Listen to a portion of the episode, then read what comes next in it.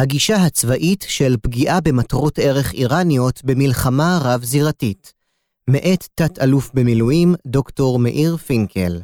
מתוך בין הכתבים, גיליון 39, איראן ורב-זירתיות. מבוא הדיון בשאלה כיצד לנצח את האויב מעסיק את צה"ל באופן תמידי. בשנים האחרונות התחדד הוויכוח סביב מידת המרכזיות של מרכיבים שונים וגישות לחימה שונות, ובהן מהלומה מערכתית באש, תשלובת מודיעין אש, תמרון והגנה. הדיון היה בעיקר סביב השגת הניצחון במעגל ראשון, ופחות בהקשר מעגל שלישי. מטרת המאמר היא להאיר שתי נקודות החשובות לצורכי בניין הכוח של צה"ל והפעלתו, בדגש על מעגל שלישי, כבסיס לדיון עקרוני. ראשית, בהיסטוריה הצבאית של ישראל ניתן לזהות שלוש גישות מרכזיות להפעלת הכוח ולבניינו בהקשרי מעגל ראשון. תמרון והעתקת המלחמה לשטח האויב, המוכרת כגישת התמרון, ותקיפת מטרות בהיקף נרחב, המוכרת כגישת השחיקה. שתי גישות אלו נידונו לאיפה בשנים האחרונות, תוך טענה נסתרת או גלויה להעדפת השנייה על הראשונה. ראו לדוגמה יום העיון במרכז למחקרי ביטחון לאומי ב-2019, התמרון היבשתי ככלי חיוני בביטחון הלאומי. גישה שלישית, הנגלית מתוך סדרת המבצעים בעזה בעשור וחצי האחרונים, היא גישה שבאה לידי ביטוי בהגנה חזקה בשילוב מרכיבים התקפיים מוגבלים, הנתפסת כמספקת כאשר מטרות העימות מוגבלות. יש סכנה כי היא תזלוג גם לזירות אחרות. התפיסות הללו החליפו האחת את קודמתה בתהליכים ממושכים שלא תמיד לוו באמירות תפיסתיות ברורות. תוך כדי החלפות פרדיגמטיות אלו, צצה מדי פעם גם גישה רביעית של תקיפת מטרות ערך, תקיפת מטרות של שלטון ומטרות דואליות, אזרחיות בשימוש צבאי, שנתפסה כהשלמה לגישה המרכזית של אותה עת. החלק הראשון של המאמר יאפיין את הגישות כדי לאפשר דיון בהיר וממוקד בהן, כתשתית לקבלת החלטות לבניין הכוח למעגל ראשון.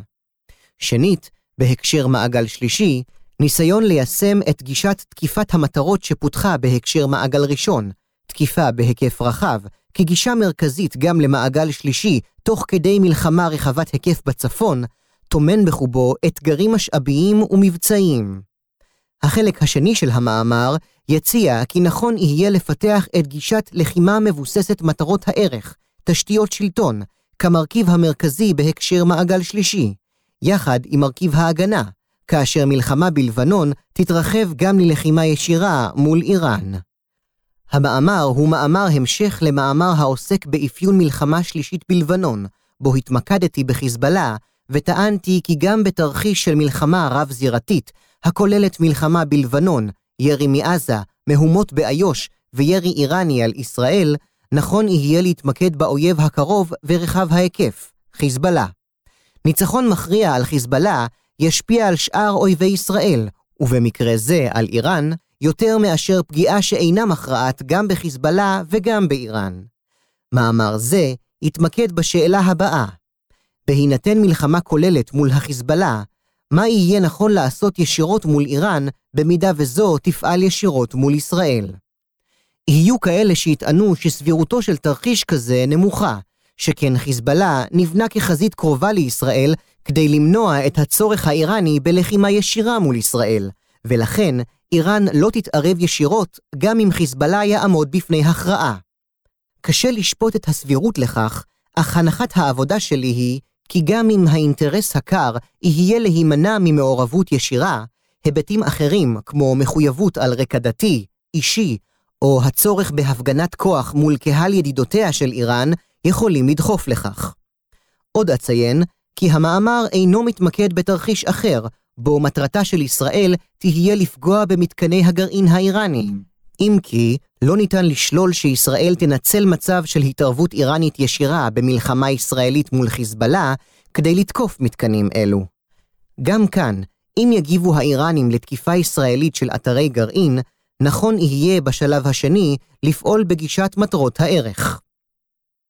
השתנות הגישות בצה"ל בהקשר מעגל ראשון שלוש הגישות המרכזיות בפעולה במעגל ראשון הן גישת העברת המלחמה לשטחו של האויב באמצעות תמרון, גישת השמדת האויב באמצעות תשלובת מודיעין ואש מנגד, גישת ההגנה הרב-מימדית.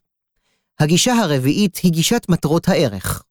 לכאורה, שלושת הגישות הראשונות הן מרכיבים של תפיסה אחת כוללת לניצחון במעגל ראשון, כפי שהגדיר אותה הרמטכ"ל כוכבי. בפועל, שני המרכיבים הראשונים מייצגים גישות מתחרות שהופכות לאורך השנים משלימות האחת לשנייה. השלישית, כפי שאטען, הפכה החל מתחילת העשור השני של המאה ה-21, כאשר מערכת כיפת ברזל נכנסה לפעולה, ממרכיב משלים לגישה העומדת בפני עצמה במבצעים מוגבלי היקף בעזה.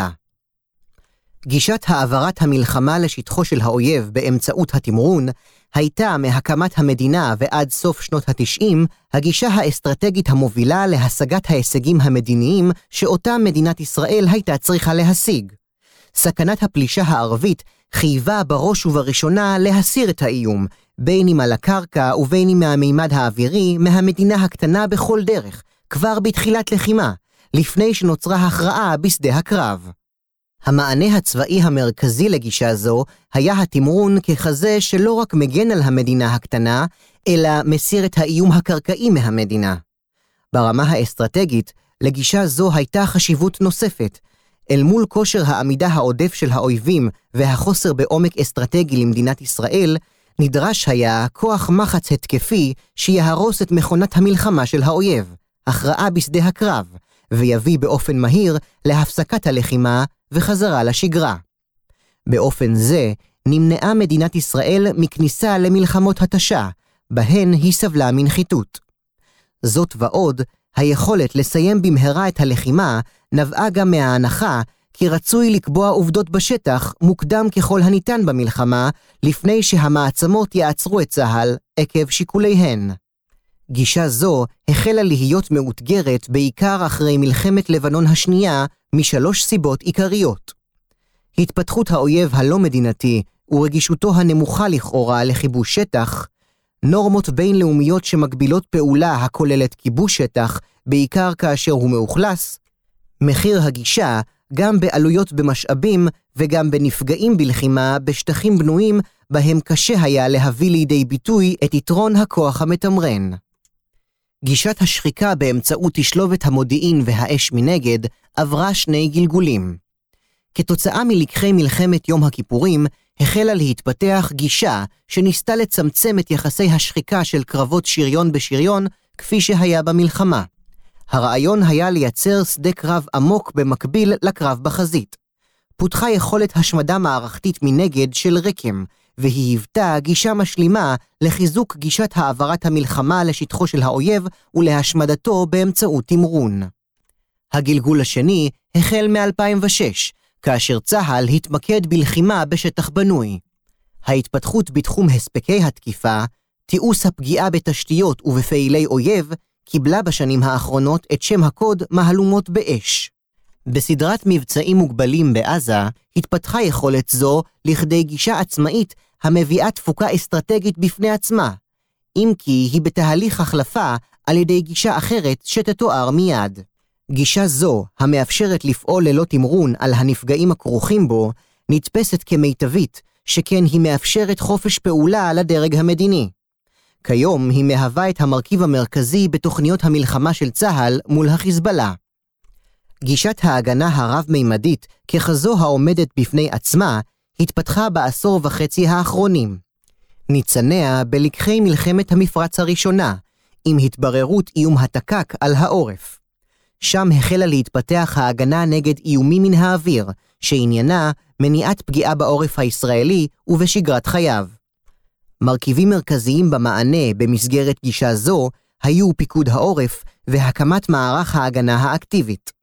אז יכולת ההגנה נגד תק"ק היוותה את המרכיב המרכזי בהתמודדות עם האיום ממעגל שני.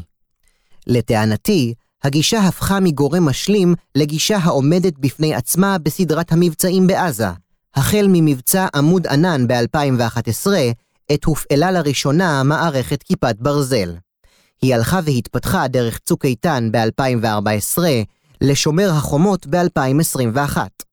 ניתן לתמצתה במילים הבאות. מזעור הנזק על העורף ופגיעה מוגבלת באויב, אך מספקת לצורך סגירת העימות מוקדם ככל הניתן. המאפיינים האופרטיביים שלה הם הגנה רב-מימדית, בדגש על הגנה מפני תמ"ס והגנה מפני חדירת אויב במנהרות, תוך הפעלת אש אווירית בהיקף מוגבל. עדות למרכזיות ההגנה בעשור האחרון היא המעמד שהיא קיבלה בתפיסת הניצחון של הרמטכ"ל כוכבי, מעמד שווה ערך לתמרון ולמהלומות באש, אמנם כמרכיב בתפיסה כוללת ולא כגישה. אך לטענתי כאן, מדובר בגישה העומדת בפני עצמה. במבצעים מוגבלים, הגישה הזו מאפשרת חופש פעולה ניכר לדרג המדיני, ומונעת ממנו את הצורך לפנות לשתי הגישות הקודמות. יש להיזהר ממצב בו גישה זו תהפוך דומיננטית במלחמה שלישית בלבנון, שכן ממגוון סיבות שתוארו במאמרי הקודם, אסור שהיא תהיה כזו. בהסתכלות היסטורית, כל גישה חדשה החלה כגישה תוספתית או משלימה לקודמתה, ובהמשך הפכה לעצמאית, הן בהפעלת הכוח והן בבניינו. הדבר הוביל למספר תופעות. אחת, הגישות עם השנים הפכו להיות מוכרות על ידי הדרג המדיני בצורה אינטימית באשר לתפוקות האסטרטגיות שניתן להפיק מהם. 2. מערכת בניין הכוח הצבאית והלאומית התארגנה למולן בצורה שיטתית והמשיכה לייצר להם תנע ארוך טווח. 3. הגישות סבלו בראשית דרכן התנגדויות האופייניות לארגונים צבאיים שהם שמרנים מטבעם. התפתחותן הצריכה דחיפה של מפקדים בכירים לאורך זמן רב. אלו הן הגישות המובחנות, אך ישנה אחת נוספת, סמויה, גישת מטרות הערך. הגישה הסמויה מן העין, תקיפת מטרות ערך. תקיפת מטרות ערך, התיאוריה בעולם. הרעיונות של פעולה אווירית הפוגעת ישירות במדינת האויב, תעשייה, תשתיות, תעבורה, תקשורת, מרכזי ממשלה ורצון הלחימה של העם, תוך עקיפת שדה הקרב היבשתי, הועלו לראשונה בעשור השני והשלישי של המאה ה-20 על ידי הוגה הדעות הצבאי האיטלקי ג'וליו דואה ומקביליו הבריטיים והאמריקאים. דואה הציע כי תקיפה רחבה של חמשת המרכיבים שצוינו מעלה יכולה להכריע מלחמה, ללא הצורך בקרבות יבשה עתירי אבדות שאפיינו את מלחמת העולם הראשונה. הניסיונות ליישם את גישתו של דואה במלחמת העולם השנייה בהיקפים שונים נכשלו כאשר נוסו על ידי הגרמנים בבליץ על לונדון, על ידי הבריטים והאמריקאים בהפצצות על גרמניה, ועל ידי האמריקאים בהפצצות על יפן, עד להטלת פצצות האטום. וגם כאן הקשר בין הטלת הפצצות לכניעת יפן מורכב יותר מתוצאות ההפצצות בלבד. אחרי מלחמת העולם השנייה, ועם כניסת פצצות האטום לארסנל הכלים האמריקאי והסובייטי, קיבל הדיון התאורטי על תקיפה מהאוויר הקשר חדש. מטרות ערך הוא מושג המהווה מרכיב בתיאוריה הצבאית הגרעינית שפותחה בארצות הברית על ידי תיאורטיקנים כמו שלינג ואנשי הפנטגון תחת הנהגתו של שר ההגנה רוברט מקנמרה בשנות ה-60. המושג תקיפת מטרות ערך התייחס לתקיפה גרעינית של ערים ומתקנים תעשייתיים, לעומת המושג תקיפת מטרות כוח, שהתייחס לתקיפה גרעינית של מתקני שיגור טילים גרעיניים, בסיסי מפציצים גרעיניים וכדומה. הסוגיה המרכזית הייתה מה סוג המטרות שירתיע יותר את הסובייטים מפתיחת מלחמה גרעינית. האיזון בין שני המרכיבים עבר מספר תהפוכות לאורך שנות ה-60, ולא אפרט את כולן. אציין רק שכאשר הנשיא קנדי ושר ההגנה מקנמרה ביקשו לצמצם את המשאבים שיושקעו בפיתוח ורכש עוד טילים בליסטיים ומפציצים אסטרטגיים, כמות אותה חיל האוויר האמריקאי ביקש להגדיל במסגרת גישת תקיפת מטרות כוח, כיוון שהארסנל הגרעיני הסובייטי גדל כל העת, החליט מקנמרה על אימוץ גישת תקיפת מטרות הערך, שהתאפשרה על ידי כמות מצומצמת יותר של ראשי קרב גרעיניים שהספיקו לפי החישובים להשמיד כשליש מאוכלוסיית ברית המועצות באמצעות תקיפת ערים. יש לציין כי התיאוריה של הרתעה ושל שליטה בהסלמה התפתחו גם הם במסגרת אותו מאמץ אינטלקטואלי בהקשר לחימה גרעינית, ושני המושגים גוירו בצה"ל, אך בהקשרים של לחימה קונבנציונלית. ההצעה במאמר זה היא לגייר גם את מטרות הערך או הכוח לצרכים הישראליים, למצב של לחימה קונבנציונלית מול איראן באופן שיפורט בהמשך. תקיפת מטרות ערך, היישום הישראלי נטען כי גישה של תקיפה ממוקדת ערך מהסוג הישראלי התקיימה לצד כל שלושת הגישות, תמרון, מהלומה, תשלובת מודיעין ואש, וההגנה, לאורך כל שנות קיומה של מדינת ישראל. עם זאת, מעולם לא נוסתה בצורה מובחנת ומרכזית, אלא אך ורק כגישה תוספתית. ניתן לזהות שני היבטים של יישום גישה זו. הראשון הוא תקיפת מטרות שלטון במהלך מלחמות. דוגמה אחת היא תקיפת המטכ"ל הסורי בדמשק במלחמת יום הכיפורים. המטכ"ל הותקף כמטרה אסטרטגית, ולא לשם הצורך הצבאי של שיבוש הפוש הסורי. התקיפה בוצעה כאיתות לסורים, כי העורף הישראלי הוא מחוץ לתחום. לאחר תקיפה סורית עם טילי פרוג ב-9 באוקטובר 1973 על בסיס רמת דוד. טיל אחד החטיא ופגע במרכז קיבוץ קבת, שדה תעופה מחניים וחפ"ק פיקוד הצפון בצפת. במלחמת המפרץ ב-1991, במקביל לתכנונים לתקיפת הסקאדים במערב עיראק, מטרות כוח, נדונה גם תקיפת העיר בגדד. במלחמת לבנון השנייה ב-2006, תקיפת הדחיה הייתה תקיפת מטרת ערך, וכך גם מה שקרוי מטרות עוצם במבצעים בעזה. השני הוא פגיעה ממוקדת בבכירי ארגוני טרור, בעיקר בעזה.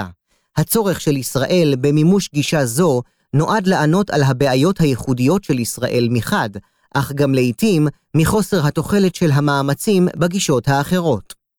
הפיתוח הישראלי של חיסול ממוקד של בכירים כקטגוריה בפני עצמה, התווסף למשפחת יעדי הערך הקלאסיים של תשתיות בעלות ערך אסטרטגי. גם תקיפת יעדי האש וגם תקיפת מטרות דואליות ותשתיות לאומיות הם ניסיון להשיג הישגים בשדה הקרב המתקשרים ישירות עם הרמה האסטרטגית תוך עקיפת שדה הקרב הטקטי. רעיונות אלה קשורים לרעיון מבצעי מבוסס אפקטים, שיובא לצה"ל מהצבא האמריקאי ועבר פיתוח תפיסתי צה"לי בתחילת העשור הראשון של המאה ה-21. למרות שמסמכי התפיסה הצבאיים, כמו מסמכי אסטרטגיית צה"ל ותפיסת הניצחון נותנים מעמד שווה לכאורה להגנה, תקיפה רחבה באש ותמרון, בפועל, העדפה הנגלית בהפעלת הכוח ובבניינו הייתה החל מסוף שנות ה-90 למבצעים באש, והחל מכניסת מערכת כיפת ברזל לפעולה ב-2011, העדפה הנגלית היא להגנה, כאשר האש היא מרכיב בירידה והתמרון נתפס כלא רלוונטי.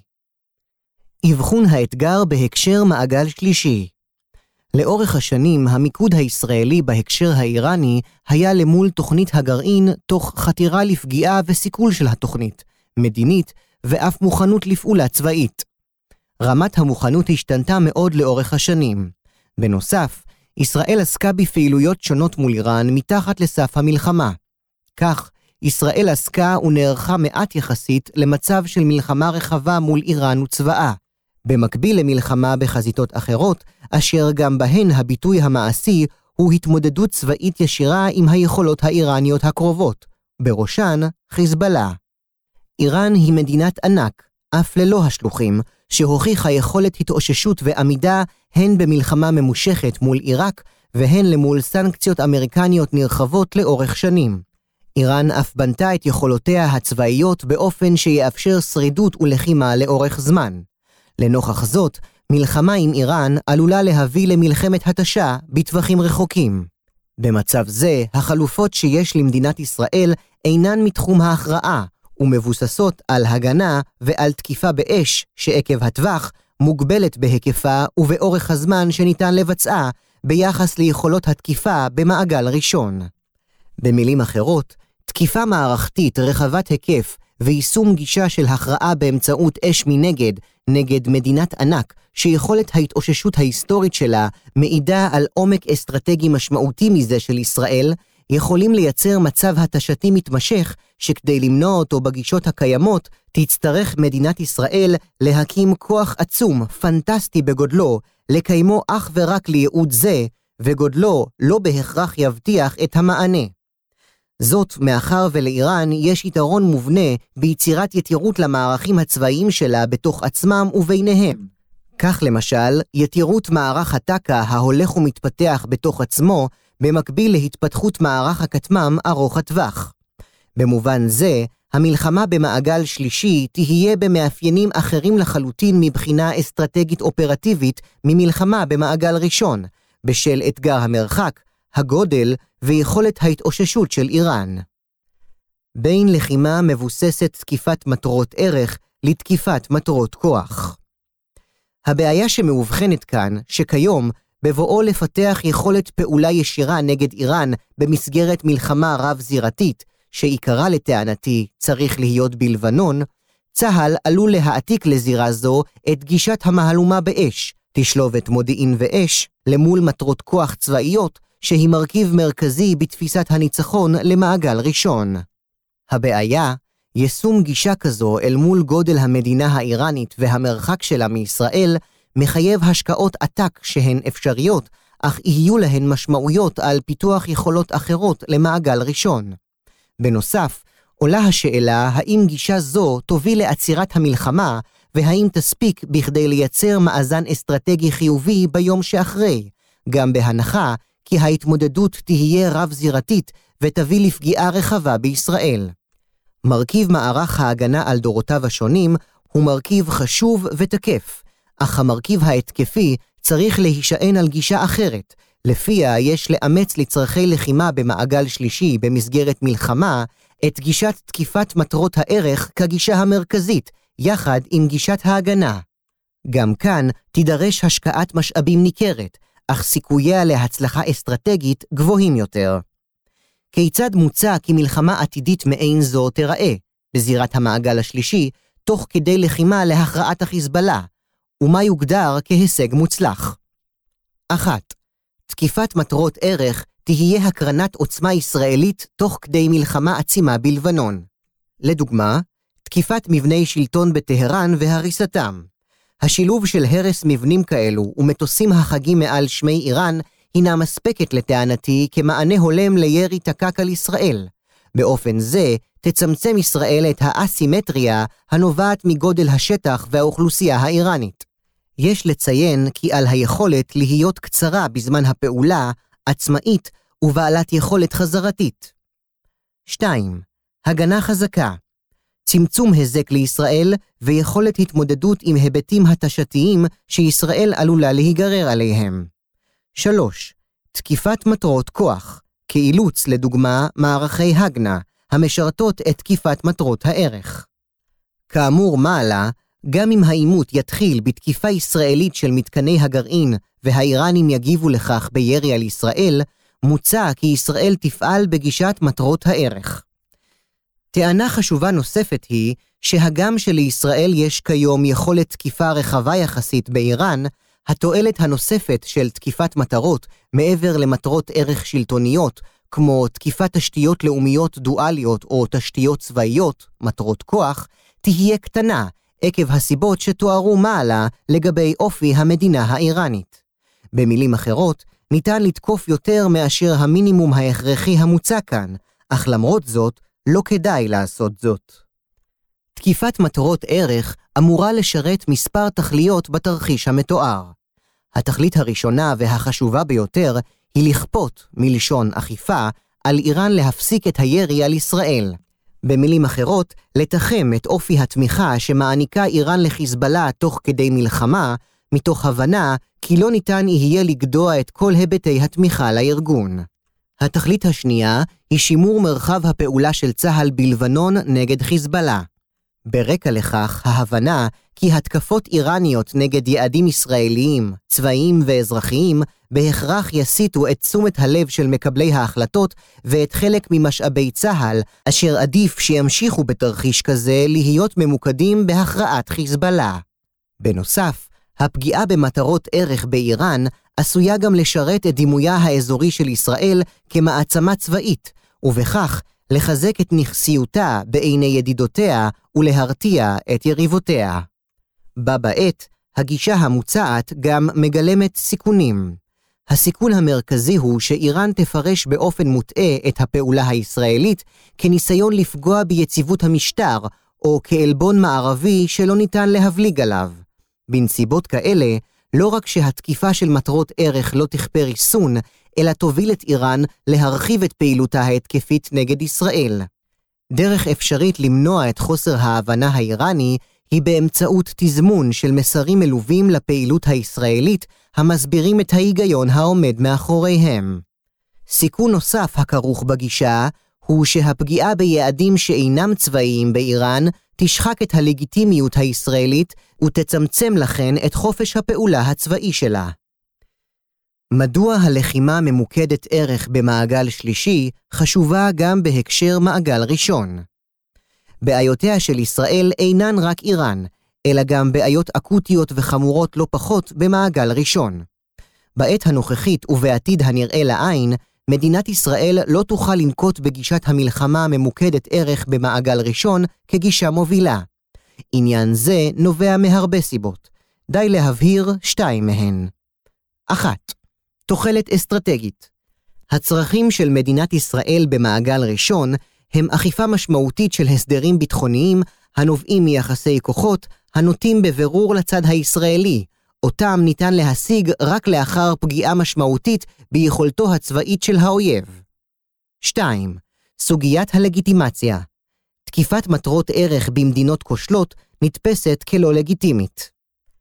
אך גם בעיות מעגל שלישי אינן תקפות למעגל ראשון, ומדינת ישראל לא תוכל לקיים כוח ביטחוני משמעותי, הכולל יכולת תמרון רחב היקף, מהלומה, תשלובת מודיעין ואש, והגנה נגד תמ"ס בהיקפים מספקים להשגת הישג אסטרטגי משמעותי, אם תתמקד בהגדלת יכולת התקיפה במעגל שלישי, מעבר ליכולת הקיימת כיום. דווקא הבנה זו יכולה לחזק את ההבדלים בין בניין הכוח למעגלים השונים ולמקד אותו, ואף יותר.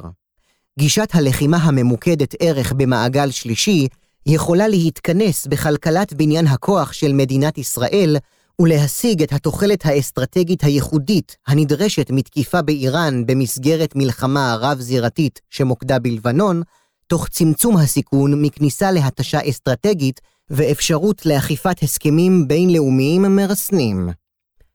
המלצות ראשית, הנכחת ארבעת הגישות היא חשובה כשלעצמה, כדי לאפשר למנהיגות הצבאית והמדינית לדון בצורה מושכלת בהשקעות המשאבים הלאומיים והצבאיים לקיום היכולות העומדות בבסיס גישות אלו ביחס לתפוקות האסטרטגיות הנדרשות. כל ארבעת הגישות נדרשות לתרחישי עימות שונים מולם מתמודדת מדינת ישראל, ונטישה של אחת מהגישות הללו עלולה להוביל לחוסר איזון במערכת המבצעית. שנית, מוצע לשקול כי הגישות המרכזיות במעגל שלישי, תוך כדי מלחמה בלבנון או אחרי תקיפה של הגרעין, יהיו גישת תקיפת מטרות הערך וגישת ההגנה. יישום גישות אלה יאפשר להחזיק בו זמנית יכולת הכרעה במעגל ראשון ויכולת תקיפה בעלת משמעות במעגל שלישי. יתרה מכך, מוצע כי הגם שיש כיום יכולת לתקוף באיראן בהיקף רחב, לדוגמה, תשתיות לאומיות דואליות, התועלת בכך תהיה שולית ביחס לתקיפת מטרות ערך. החריג הוא תקיפת מתקני הגרעין, לערך העומד בפני עצמו. הנושא מצריך דיון פנימי בצה"ל, ואחר כך דיון צבאי-מדיני. חיוני לעשותו במהרה כדי לקבל החלטות מושכלות בבניין הכוח למעגל שלישי. סיכום המאמר הציג שתי טענות. הראשונה, שתי הגישות הקלאסיות להפעלת כוח, תמרון ושחיקה, וביטוין האופרטיבי, תמרון יבשתי ומהלומה באש, וגם הגישה של הגנה רב-מימדית שהתפתחה כעומדת בפני עצמה במבצעים מוגבלים בעזה, הן גישות נוכחות בשיח הצבאי. הכרה בקיום הגישה השלישית חשוב, שכן יש להיזהר מהעתקתה מעזה ללבנון.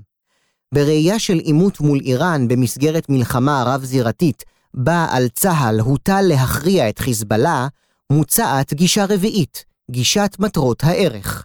גישה זו התפתחה במלחמה הקרה בארצות הברית בהקשר תקיפה גרעינית, ויש לה ביטויים ספורדיים במלחמות ישראל. הטענה השנייה היא כי גישת מטרות הערך מציעה הישג מספק מול איראן במסגרת מלחמה רב-זירתית, תוך בידוד נושא מתקני הגרעין, שהוא הוכחת יכולתו של צה"ל לתקוף מטרות שלטון בטהרן, תוך כדי הכרעת הזרוע הקדמית של איראן באזור, חיזבאללה. אם יוכרע חיזבאללה, לא נדרש לעשות באיראן מעבר לכך. אם ישראל תשקיע מאמץ יתר בתקיפה בהיקפים רחבים באיראן, מעבר ליכולתה כיום שהיא כבר יכולת רחבה, יש סכנה להטיה בבניין הכוח, שבעת מבחן תביא לקשיים בהכרעה בלבנון. אסור שמלחמה שלישית בלבנון תסתיים במצב שבו גם חיזבאללה לא הוכרע, שכן בהינתן יכולתה של איראן לספוג גם היקפי תקיפה גדולים, מצב כזה יהיה גרוע לישראל. מיקוד בניין הכוח בהכרעת חיזבאללה ויישום גישה של תקיפת מטרות ערך באיראן, יאפשרו כאמור לכפות עליה את הפסקת הירי נגד ישראל ולשמר את חופש הפעולה הצבאי הדרוש להכרעת חיזבאללה. המחבר מודה לאלוף דוקטור יואב בנז'ו, ראש אג"ת, סגן אלוף עין, ראש תחום תכנון המערכה בחיל האוויר, ולאלוף משנה א' וסגן אלוף נ' מחטיבת המחקר באמ"ן, על הערותיהם החשובות.